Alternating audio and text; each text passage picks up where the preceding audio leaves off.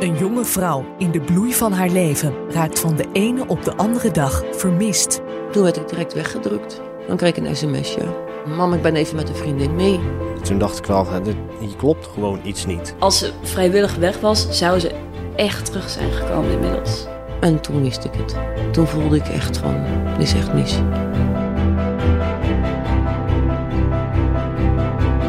Er volgt een zenuwslopende zoektocht van weken.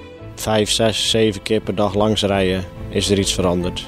Niks. Alles moest wijken. Vraagt heel veel energie, fysiek en mentaal. Je weet niet waar ze is, met wie ze is, alleen is, leeft, ziek is, pijn heeft, angstig. Je weet helemaal niks. De grootst denkbare nachtmerrie blijkt bittere waarheid. Michelle leeft niet meer. Ze is in stukken gezaagd en gedumpt in een kanaal. Dan zakt dus je hele grond onder je voeten, ja, alles is weg. Alles is weg. Ik heb een hele goede vriendin. En dan, of all people, hoe, hoe kan die persoon dan worden weggetrokken? Waarom moest Michelle dood?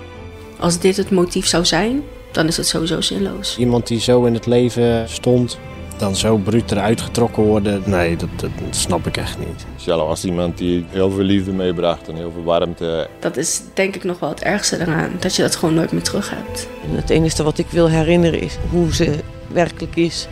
Ja, de prachtige, mooie jonge vrouw met de stralende glimlach. Voor mij was ze alles waard. Verslaggever Maaike Sanders gaat in gesprek met haar nabestaanden. Dit is Moord in de spirituele winkel. Binnenkort in je favoriete podcast-app.